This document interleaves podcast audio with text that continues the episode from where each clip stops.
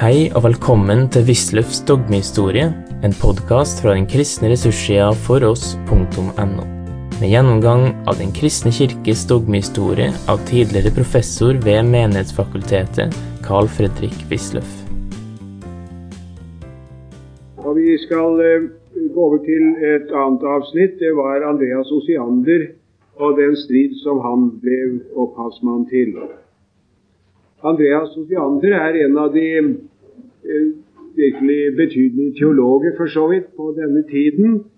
Han var eh, Nürnbergs eh, reformator. Det kan eh, tåle å nevnes at eh, han har skrevet forordet til Kopernikus' berømte verk, eh, om, eh, hvor han beviser altså sitt syn på solsystemet. Det kan jo tåle å nevnes i forbindelse med det at vi under tiden får høre om at man ikke tålte Kopernikus. Han er en av dem som hadde evnen til spekulativ behandling av momentene. Og om igjen og om igjen så har det kommet vitenskapelig bearbeidede fremstillinger av Oseanders teologi. Så dette var ingen smågutt. Ikke desto mindre så kom han da galt av sted i sin lære om, om rettferdiggjørelsen. Man kan si at han i sin lære representerte én ytterlighet, og så Melanchthon en annen. Melanchthon hadde utformet en forensisk rettferdiggjørelseslære og skilt begrepene nøye fra hverandre. Det er blitt lutherdommens syn, og det er etter lutherdommens oppfatning den sanne og klare lære om rettferdiggjørelsen. At rettferdiggjørelsen er en dom i Gud, og at den ikke betyr at vi blir forandret, forvandlet, men at Gud tilgir oss for Jesu Kristi skyld. In foro køli frikjennes vi. Det kan naturligvis komme til å gis en temmelig ensidig betoning, sånn at man liksom setter den sedelige fornyelse i bakgrunnen. Og slike ensidige behandlinger og fremstillinger av den forensiske rettferdiggjørelseslære har nok forekommet fra tid til annen. Man kan si at Osiander gikk til den motsatte ytterlighet. Luther hadde en evne til å fremstille rettferdiggjørelseslæren sånn at fornyelsen, den sedelige fornyelse, liksom er med i samme åndedrett. Det er Kristus som kommer og er hos meg, og i selve troen er Kristus til stede, som jeg har sitert flere ganger, in ipsa fide Kristus ad est. Og nå kom Osiander til å si som så Gud er ikke urettferdig, sier han. Uh, Gud er ikke urettferdig, sånn at han dømmer dem rettferdige som ikke er det. De fører en, en kold lære, står det egentlig, som sier at vi tilkjennes syndenes forlatelse, regnes rettferdige og har syndenes forlatelse bare på grunn av Kristi av at Gud har tilgitt oss, og ikke på grunn av at Kristus bor i oss. Non enim tam iniquus deus est ut eum pro justo habiat in quo vera justitia prosus nil est. Gud er ikke så urettferdig at han dømmer dem å være rettferdig i hvem der ikke er noen sann rettferdighet. Det er altså en direkte fornektelse av den forensiske rettferdiggjørelse. Og hvordan kommer han til det? Jo, sier han, ved troen kommer Kristus og tar bolig i meg. Kristus, efter sin guddommelige natur, kommer og tar bolig i meg når jeg tror på ham. Og fordi Kristus bor i meg, så frikjenner Gud meg, sier Osiander. Det er altså en real rettferdiggjørelseslære, ikke en forensisk. Det er, for å bruke en annen problematikk, den, ja, annen begrepsdefinisjon enn den som han selv bruker, kan vi si at ifølge den lutherske lære så er rettferdiggjørelsen en syntetisk dom. Efter Osianders mening er den en analytisk dom. En syntetisk dom er jo et utsagn som likesom eh, ikke sier mer enn det som ligger i selve saken. Eh, vannet er vått. Det er klart, for det hører med til vannets vesen at det er vått. Men vannet er rødt. Det er en syntetisk dom, for vann er som regel ikke rødt. Da må det være alger eller noe som har gjort det sånn. Det er en syntetisk, eh, syntetisk dom. Sier jeg da at synderen er rettferdig, så er det en syntetisk dom, for det er heller ikke til synderens vesen å være rettferdig. Gud legger det til. Sier jeg at eh, Gud frikjenner den som Kristus har tatt bolig i, så er, en, så er det en analytisk dom, for det sier ikke mer enn det som bor i selve utsagnet.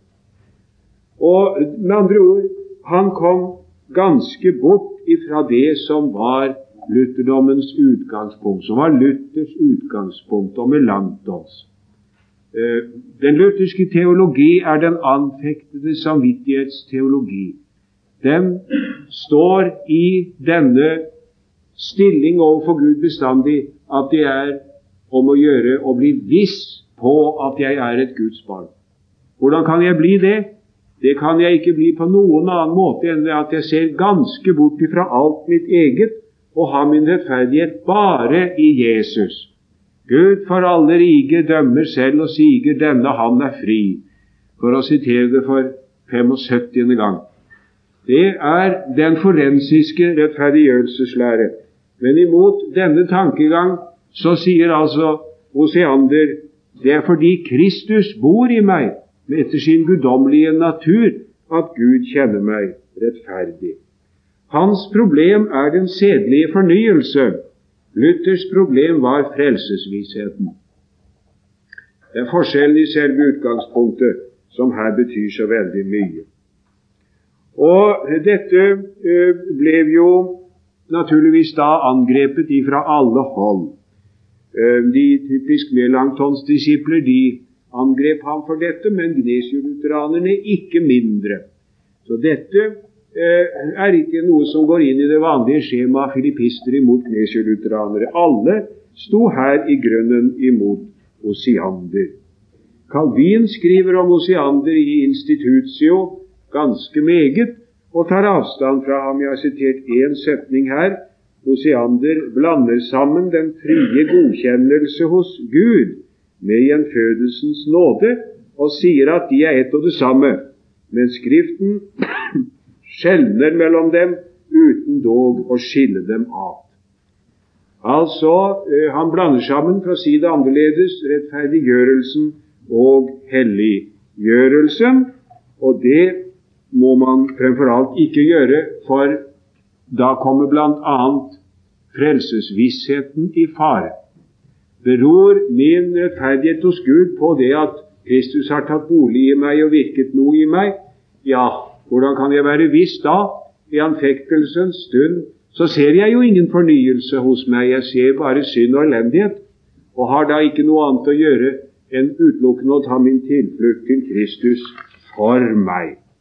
Eh, det var Kristus i meg som var Oseanders store ord. Kristus bor i oss med sin guddommelige natur, og det er vår rettferdighet for Gud. Men mot dette opptrådte så en som heter Stankarus, og det er naturligvis en latinisert form av et, av et tysk navn. Eh, han uh, gikk så sterkt imot han gikk så sterkt imot Osiandra at han på en måte uh, gikk til en annen ytterlighet. Hadde Oseander sagt at, Krist, at Kristi guddommelige natur er min rettferdighet, så sa Stankarus nei, hans guddommelige natur etter sin guddommelige natur var han ikke mellommann, bare etter sin menneskelige natur. Og der kunne han sitere Petrus Lombardus fra det tolvte århundret, den store autoritet i skolastikken, som faktisk har satt det. Han er, sier eh, lombarderen, eh, en, en, en, mediator, en midler. Eh, det er han, eh, kalles han etter sin menneskelige natur, ikke etter sin guddommelige natur. Men dette ble avvist fra alle hold, og Stankarus måtte da tilbakekalle. Det gjorde han. Og det gjorde han jo da eh, klokt i. Hvor galt det kunne gå under denne striden, det så man i 1566, da en hoffprest som heter Funk i Königsberg simpelthen ble henrettet pga. sin eh, stilling for Osiander. På det tidspunkt hadde blitt jaget sin vei. Nå her blandet seg andre saker og ting inn, politikk, sånn som det gjerne gjør, men de lærer jo å tenke seg noe sånt innslag i en lærestrid.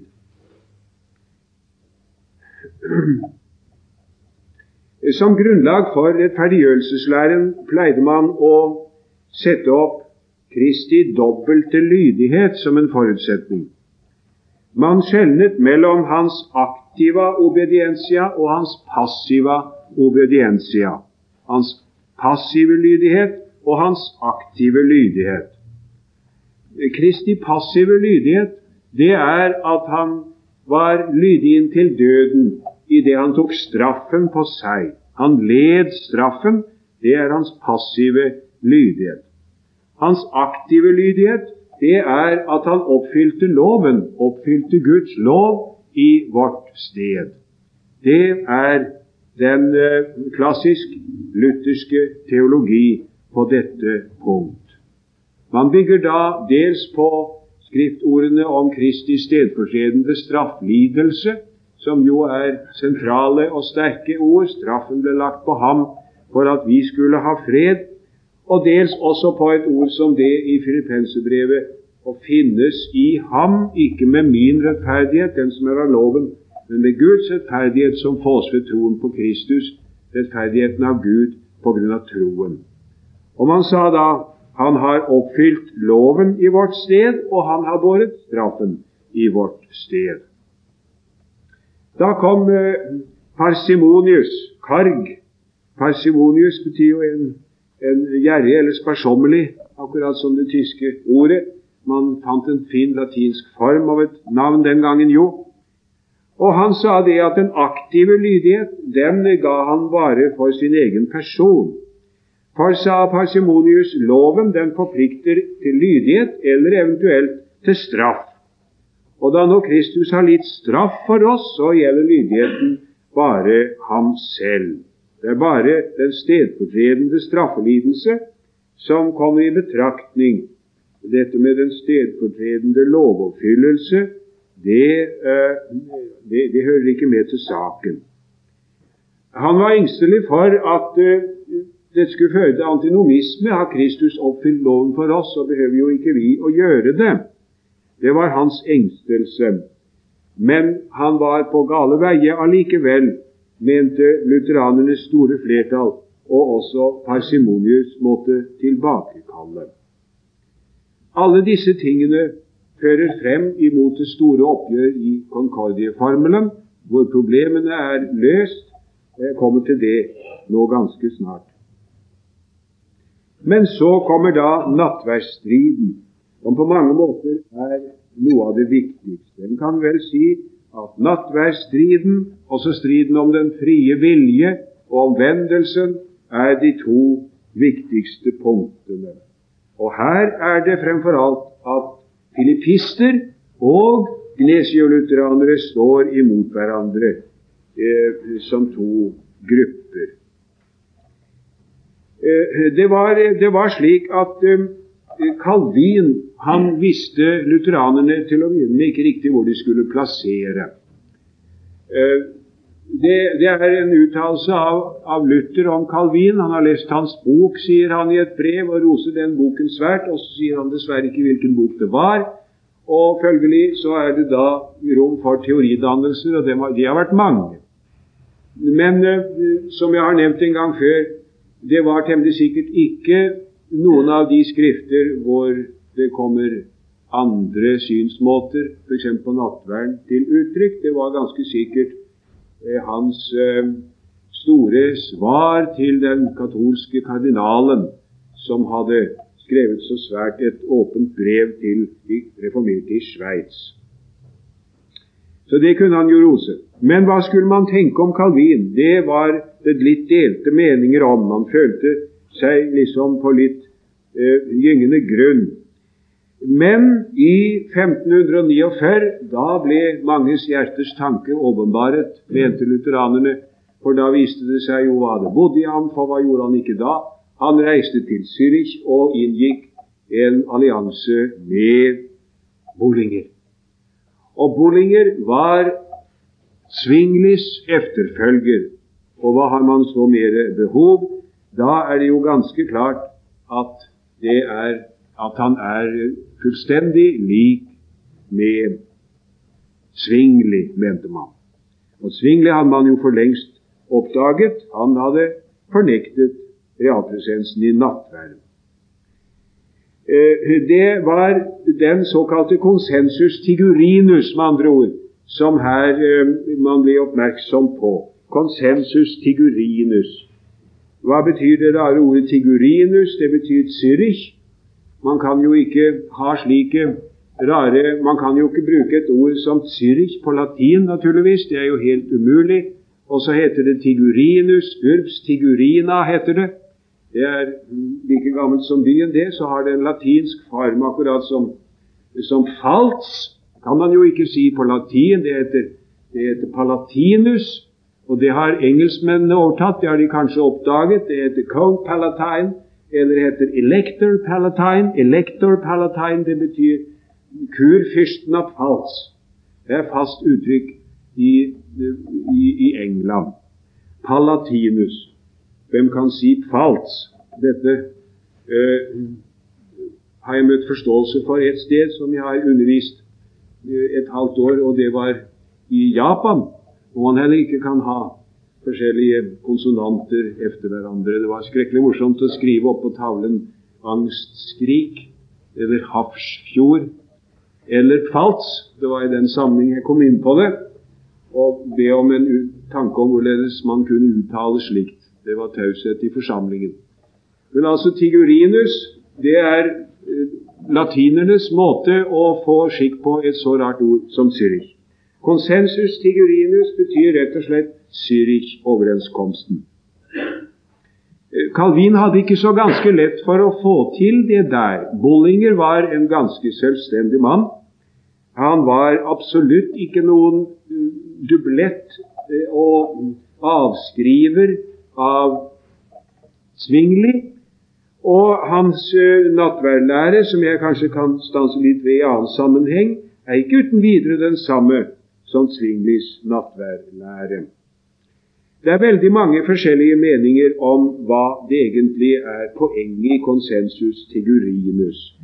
Jeg har gjennomgått dette på ny nå med tanke på denne forelesning, og er kommet til at jeg må be dem foreta en liten rettelse i teksten her. Jeg kan ikke riktig opprettholde det syn som jeg her har. Jeg har festet meg ved ting som gjør at det etter mitt syn nå må ses litt annerledes. Punkt 9, linje 3. Hvis De vil stryke ordene 'finnes ikke'. Og så eh, efter ordet 'her' setter vi bare simpelthen et korrekturtegn og så et tilsvarende ute i margen, og der skriver vi 'bare antydet'.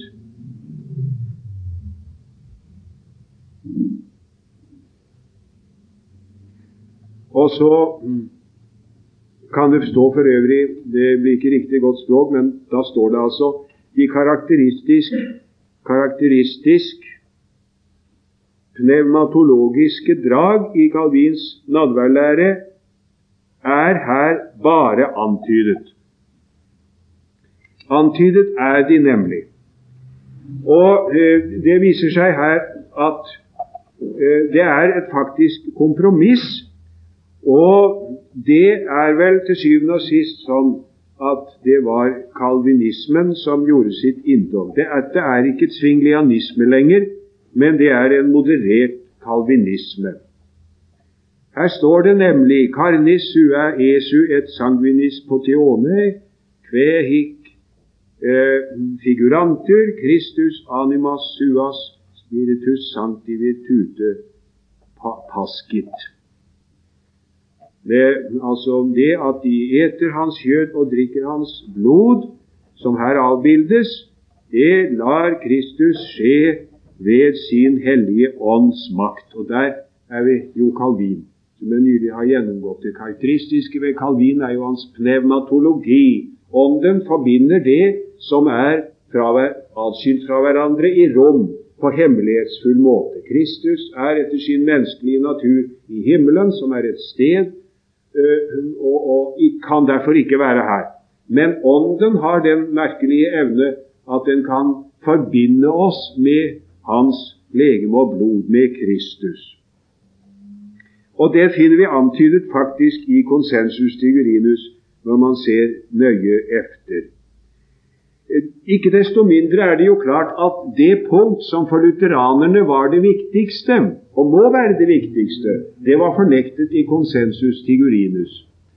Eh, for eh, Kristus er i himmelen, og vi mottar eh, ikke Kristus på legemlig vis. Vi mottar Kristi legeme og blod ved Åndens virkning, men ikke noen legemlig nærværelse i elementene. Altså konsensus til Julinus nekter de to ting som for lutheranerne er det viktigste, nemlig uh, at vi mottar Kristi legeme og blod med munnen, og at også de uverdige mottar Kristi legeme og blod. Manducatio oralis vi mottar Kristi legeme og blod med munnen, og Manucasio indignorum. Også de uverdige mottar Kristi legeme og blod. Det er begge deler her er fornektet. Og da er det jo ganske forståelig og helt hva man måtte vente, at lutheranerne ble veldig en garde overfor dette. Og Samtidig så skjedde jo det som jeg var inne på i går, at uh, at eh, den reformerte teologi vinner terreng, og det var dette med kurfyrsten av Falt, som lot sitt land bli reformert i 59, det var et uh, veldig vanskelig punkt. Og hva skjer da ikke i selveste Wittenberg? Du må forsøke å forstå hvor trangt det var for den sanne lutherdom i denne tiden. I 1560 så blir det utgitt en bok som kalles Corpus Doctrinae Christiane. Og det gir seg ut for å være selveste bekjennelsesskriftet for de lutherske kirker, og det er Confessio Augustana Variata. Og i 1571 kommer Wittenberg-katekismen, som er helt ø, kryptokalvinistisk. Den nekter manducatio oralis og manducatio indignorum. Og så gikk man samtidig hardt frem disse filippistene som var så flinke til å snakke om toleranse og fordragelighet, var ikke det minste fordragelige når de fikk makt. Og mange lutherske prester ble sendt av sted over hundre i saksen fordi de ikke ville bøye seg for dette. Det var Poyser bl.a. som var Melantons svigersønn en har negl i virkeligheten. Og så i 1574 kom et skrift som heter Exegesis perspicua, altså klar fortolkning, som gikk akkurat til samme måten, bare en åndelig nytelse i nattværen. Og kurfyrsten, eh, han, eh, kurfyrst August, svoger av vår konge, eh, Fredrik 2. Fredrik 2. søster Anna var gift med kurfyrsten. Det vil de lese om det er i Norsk kirkehistorie 1, hvor det står om Concordia Farmelen. Uh, kurfyrst August Han var en god sjel, men noe, uh, godtroende. Og disse hoffteologene hans, som var filipister alle sammen, de smurte han rundt ørene med det at når noen protesterte imot dem, så var det bare fordi at de holdt med Flakius. Det er Flakius som er ute og går. Alt var flakianisme. At Flakius var, eh, ikke var bra, det hadde kurfyrsten oppfattet. Og når de da disse som protesterte mot hans hoffteologer, var flakianere, ja vel, ålreit, så, så var de vel det. Men så hendte det seg en dag noe. Det var et uforsiktig brev fra Poyser til en hoffprest i Dresden. Prestefruen var dekkadresse. Det var ikke meningen at skulle, dette brevet skulle komme i, ufers, i andre hender. For med brevet fulgte nemlig en, en typisk reformert oppbyggelsesbok. Nå vil ulykken at uh, dette havnet hos en annen prestefrue. Det var mer enn én hoffprest, og det var den andre hoffprestefruen som fikk boken og brevet. Og Da brevet var på latin, som hun ikke forsto, så ga hun det til sin mann. Og han turte ikke annet da enn å gi det til kurfyrsten. Og hva sto det der? Der sto det det at om han kunne få gitt denne andagsboken til moder Anna, så skulle nok Hans Høyhet snart også følge efter. Stor oppvask. Poiser og en rekke likesinnede, illesinnede havnet i fengsel. Og eh, i Wittenberg ble det foretatt en grundig storvask, en storrengjøring, sånn at alt som hette kryptokalvinister, ble feiet ut.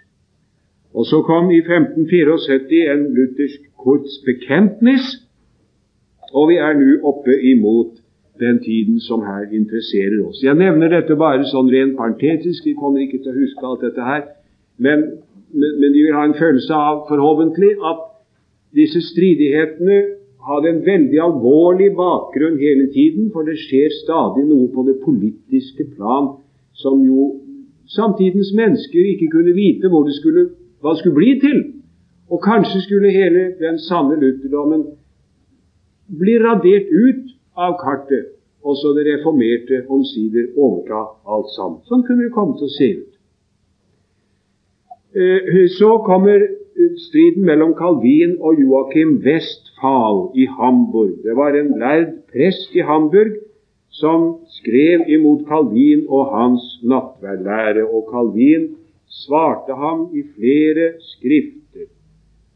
Og mot filippistene talte og skrev Brents og Chemnitz. Presten Saliger i Hamburg han ble avsatt fordi han hevdet at nattverden var Jesu legeme og blod allerede før kommunionen. Man kan bli for ivrig også. Eh, det viktigste her er Brents og Chemnitz. Eh, disse to teologene utformet nemlig den lutherske ubikvitetslære. Og Den må vi nå se på et lite grann. Eh, de tok utgangspunktet i den kalkedonensiske ortodoksi, naturligvis, Eh, de gjør jo Kirken siden Kalkedon, og sier da at Kristus er én person, én gudmenneskelig person, én eh, person og to naturer, eh, naturligvis. Og så eh, sier man at tre slags kommunikasjon av disse naturenes egenskaper finner sted. Man talte tre slags genus. Den første ble kalt genus idiomaticum. Begge naturers idiomer tilligger den gudmenneskelige person. Altså kan man si f.eks. at Gud er død, og mennesket Jesus Kristus er allmektig. Gud kan ikke dø, men, og, og, og et menneske er ikke allmektig. Men fordi at han var Gud og menneske, i én person, så kan man si det om personen som man kan si om den ene eller den andre av, eh, av naturene. Det er den første. Og så er den annen genus, som er genus majestaticum. Den menneskelige natur har sin hypostase i den guddommelige natur. Det var Leontius' en hypostasi-teologi. Og dermed så har den menneskelige natur fått del i den guddommeliges fulle herlighet og er allmektig, allvidende og allstedsnærværende. Der var de reformerte ikke kunne følge med, og i grunnen ikke de katolske heller. Og det tredje heter genus apotellesmaticum. Apotellesma betyr en virkning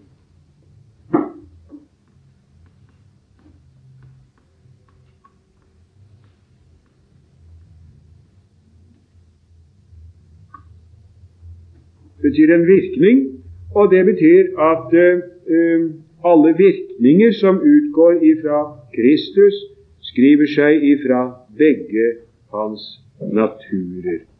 Altså, vi kan tenke oss dette Vi kan antyde det altså en, en person Det blir naturligvis galt, men la oss nå bare et lite øyeblikk tenke oss dette, da. En person og to naturer de meddeler sine egenskaper til, til personen som og til hverandre.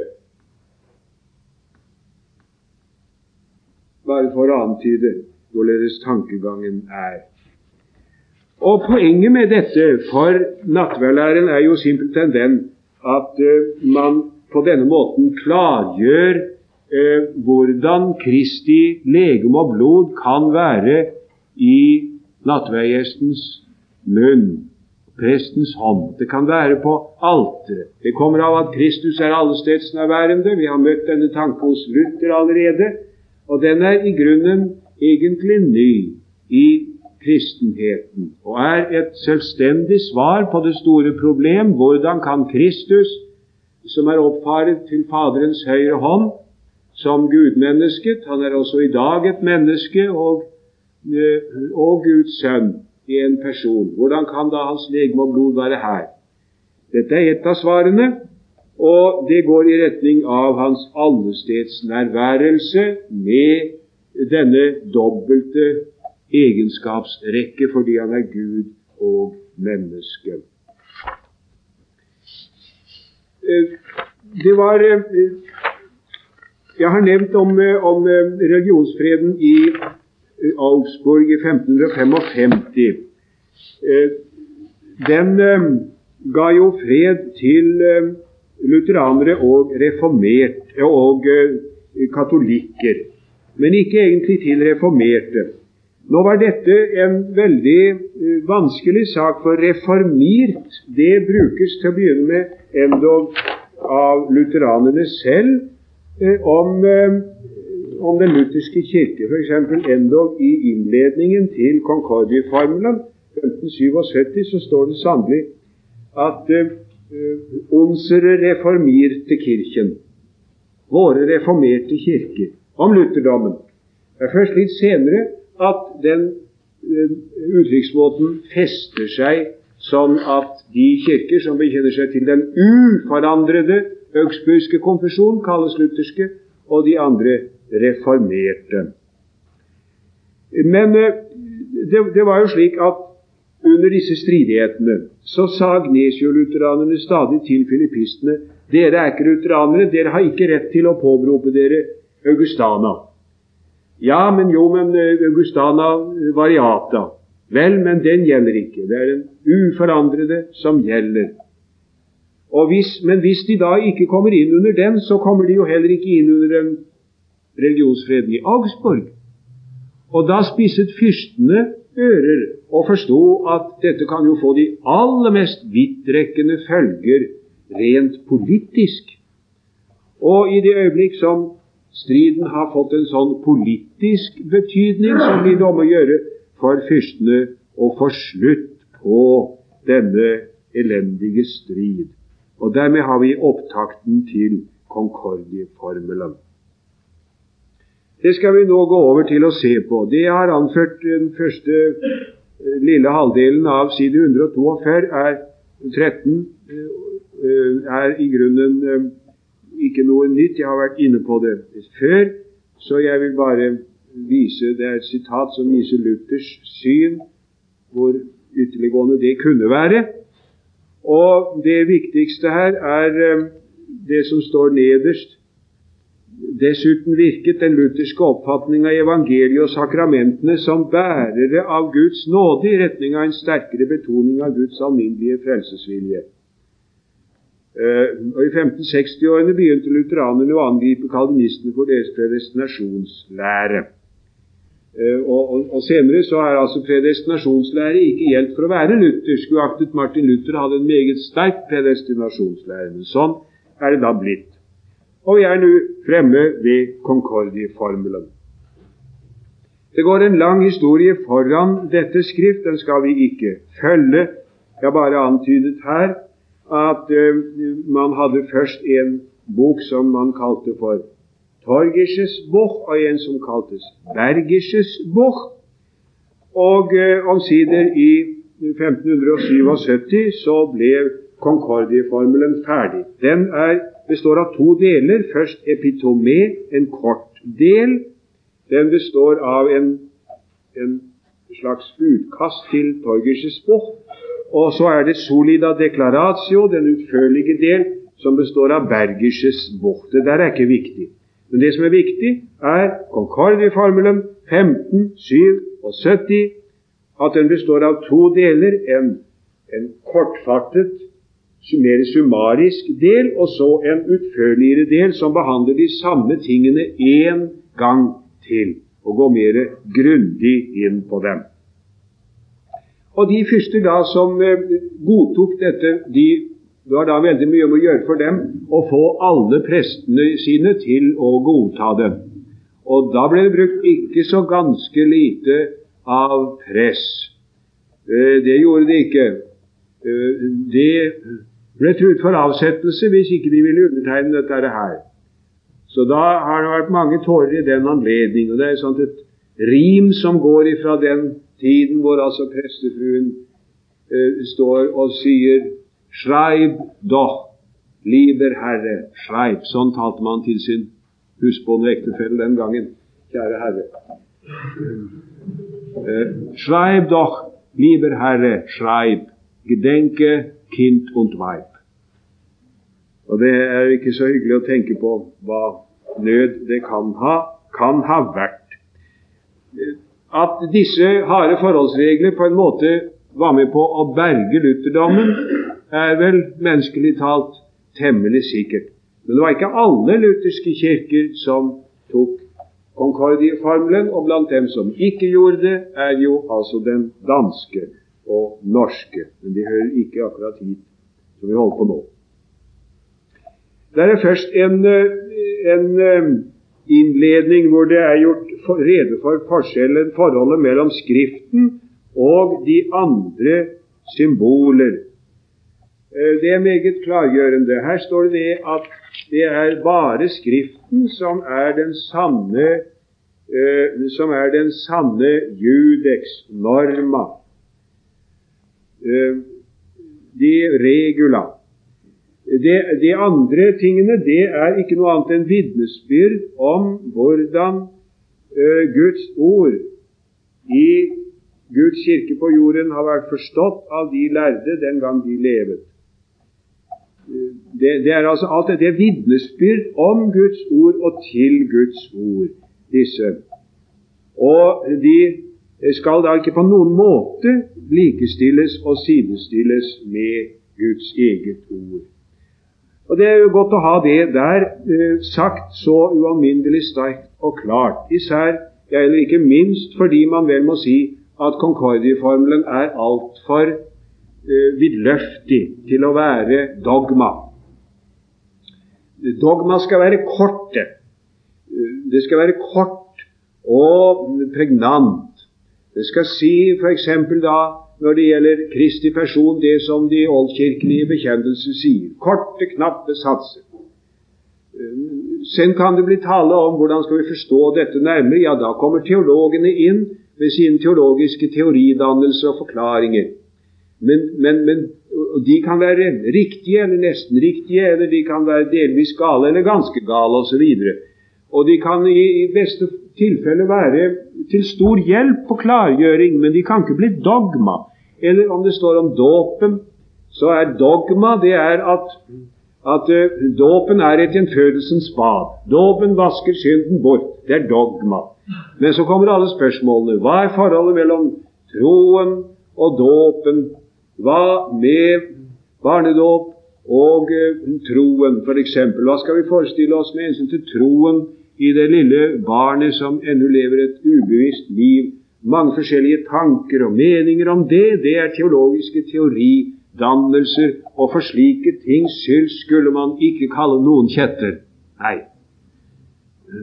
Det er i forhold til dogma at man er eventuelt kjetter om man er det, men ellers så får vi se hvor langt og hvor godt vi på forskjellig hold kan forklare oss tingene. Og Dertil kommer jo at uh, Concordieformelen selv den inneholder da uh, enkelte ting som Eh, som faktisk eh, eh, ingen i dag av lutheranere vil godkjenne og bekjenne. Jeg gjentar ingen, absolutt ingen, ikke en eneste. For her står det om, her står det om Maria, Herrens moder. Så står det det Uh, is filius de etiam in utro matris divinam sua majestatum demonstravit, quod de virgene in violata ipsius virginitate natus est. Tysk tekst. Um diese persönlichen Vereinigung und Gemeinschaft willen der Naturen hat Maria, die hochgelobte Jungfrau, nicht ein pur lauteren Menschen, sondern einen solchen Menschen, der wahrhaftig der Sohn Gottes des Allerhöchsten ist, geboren wie der Engel zeuget, welcher seine göttliche Majestät auch im Mutterleibe erzeiget, dass er von einer Jungfrauen unverletzt ihrer Jungfrauschaft geboren. Hva er det for noe? Det er Virgo in partu. Eh, den gamle, gamle mariologien eh, består jo av tre ting. Især siden 600-tallet går det stadig igjen. Virgo ante partum, in partu og postpartum. Antepartum er det som står i Matteus 1 og Lukas 2, unnfanget ved Den hellige ånd og født av jomfru Maria. Altså han ble, han ble, han ble unnfanget uten mann Virgo ante partum, altså før fødselen. In partu er de spekulasjoner som begynner meget tidlig om at han ble ikke født som andre mennesker, men uh, født sånn at Maria biologisk uh, sett, medisinsk sett, ennå var Virgo. Og, uh, og, og postpartum betyr at hun ikke giftet seg og fikk barn. Hans sønner, hans uh, Jesu uh, brødre og søstre, er hans fetter og kusiner, som Hieronymus beviste til sin egen tilfredshet og den følgende kirkes tilfredshet inntil man ser litt nærmere på det. Det, det, det, det er bekjent her i, i Concordie-formelen. Og det vil, går jeg ganske rolig ut fra, ingen nokså alvorlig og streng lutheraner i dag underskrive at Kristus er født in violata ipsius virginitate. Det, det tror vi ikke. Men det forhindrer ikke at Concordieformelen er et meget grundig skrift, og et, vil vi mene, meget godt skrift, som bør leses som en kommentar til Confessio Augustana og som bør leses, vil jeg benytte anledningen til å si. Jeg syns de skulle studere og lese dette her, og vil de ikke ha bryet med å lese den i den eh, vanlige utgave av bekjennelsesskriftene, som vi bruker når vi studerer Augustana, eh, så går det an å lese den i en oversettelse. Kan vi få tak i Jonsson og Kasparis utgave, så ta den. Eller så har vi jo en nyere tid en utmerket grei oversettelse av Valen Senstad, som riktignok har omredigert stoffet, for så vidt, som man har samlet uh, det gruppevis, f.eks. alt som har med dåpen i hele uh, den, det lutherske lærekorpus, står i et kapittel, alt som er en kristig person, enten det står i den apostoliske trosbekjennelse eller det står i konkordieformelen, i et stort kapittel. Men det er ikke noen særlig stort bry å finne frem i den boken hva som er konkordieformelen. Den boken der av Hans Senstad er dessuten veldig grei å ha, for den har tekstene greit oversatt.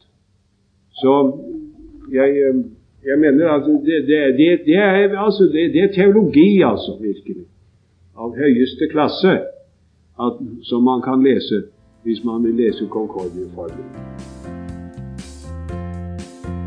Du har nå hørt Wisløffs dogmehistorie. Finn flere ressurser og vær gjerne med å støtte oss på foross.no. Følg også gjerne noen av våre andre podkaster, f.eks. Familielivet.